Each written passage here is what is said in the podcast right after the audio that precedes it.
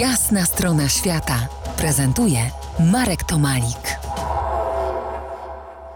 Po jasnej stronie świata Henryk Wolski, żeglarz, podróżnik, uczestnik wypraw na wielu morzach i wszystkich oceanach świata opowiadamy o wyprawach polarnych sprzed ponad 100 lat.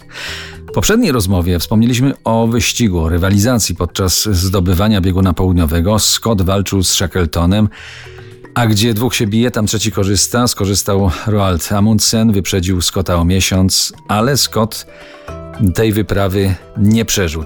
E, Shackleton bieguna nie zdobył, dość łagodnie się z tym pogodził, tak przynajmniej się wydawało wtedy, ale postanowił zrobić coś więcej i zaplanował, jak powiedzieliśmy w pierwszej naszej rozmowie, wyprawę potężną na dwa statki z dwóch części Antarktydy miały dopłynąć i chciał pieszo przejść od jednego statku do drugiego w poprzek Antarktydę, czyli ją strawersować. No i co? I w sierpniu 1914 roku wyprawa w liczbie 28 ludzi wypłynęła z Wielkiej Brytanii na specjalnie do wód przygotowanym statku Endurance. To był ten statek, na którym płynął Shackleton. Może dwa słowa o nazwie, bo ona tutaj jest nie, bez znaczenia.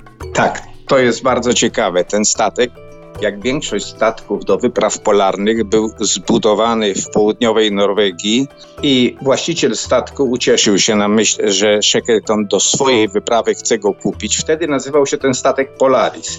Ale Shackleton, chcąc dalej propagować motto swoje rodzinne, zwyciężymy wytrwałością, czyli by endurance we conquer, nazwał statek Endurance. Endurance wypłynął z Wielkiej Brytanii w kierunku Antarktydy i on miał dowieść załogę trawersującą Antarktydę od strony Morza Wedela. Inny statek, Aurora, wypłynął z Nowej Zelandii i dowiózł załogę od strony Morza Rossa. Zadaniem tej załogi było przygotowanie składów żywnościowych po drodze, gdy Shackleton będzie przekraczał biegun południowy, to już miał trafiać na przygotowane składy żywnościowe.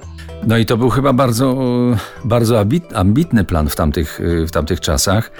Myślę, że Shackleton był do tego przygotowany, bo najpierw dopłynął Endurance, dopłynął do y, wyspy Południowa Georgia. Do południowej Georgii, tak. I tam rozmawiali z, rozmawiał Shackleton z wielorybnikami i, i powiedzieli Shackletonowi, że ten rok no, nie jest jak gdyby za dobry, że za dużo lodu widzą tutaj dookoła. Tamtejsi wielorybnicy byli chyba najbardziej doświadczonymi ludźmi żeglującymi w tym rejonie i powiedzieli, że rok wyjątkowo niesprzyjający, że tak daleko na północy lodu nie widzieli. Sugerowali odłożenie ekspedycji, ale Organizacyjnie to byłoby niemal niemożliwe o rok przesunąć ekspedycję i Shackleton niezrażony tymi informacjami popłynął kilka dni. Już chyba w pięć dni po wypłynięciu z południowej Georgii natknęli się na lód. W styczniu, 18 stycznia już na dobrą sprawę utknęli w lodzie. O tym, co wydarzyło się później i że niedawno znaleziono wrak y, statku Endurance, y, opowiemy za kilkanaście minut i w kolejnych naszych spotkaniach dziś po jasnej stronie świata. Zostańcie z nami.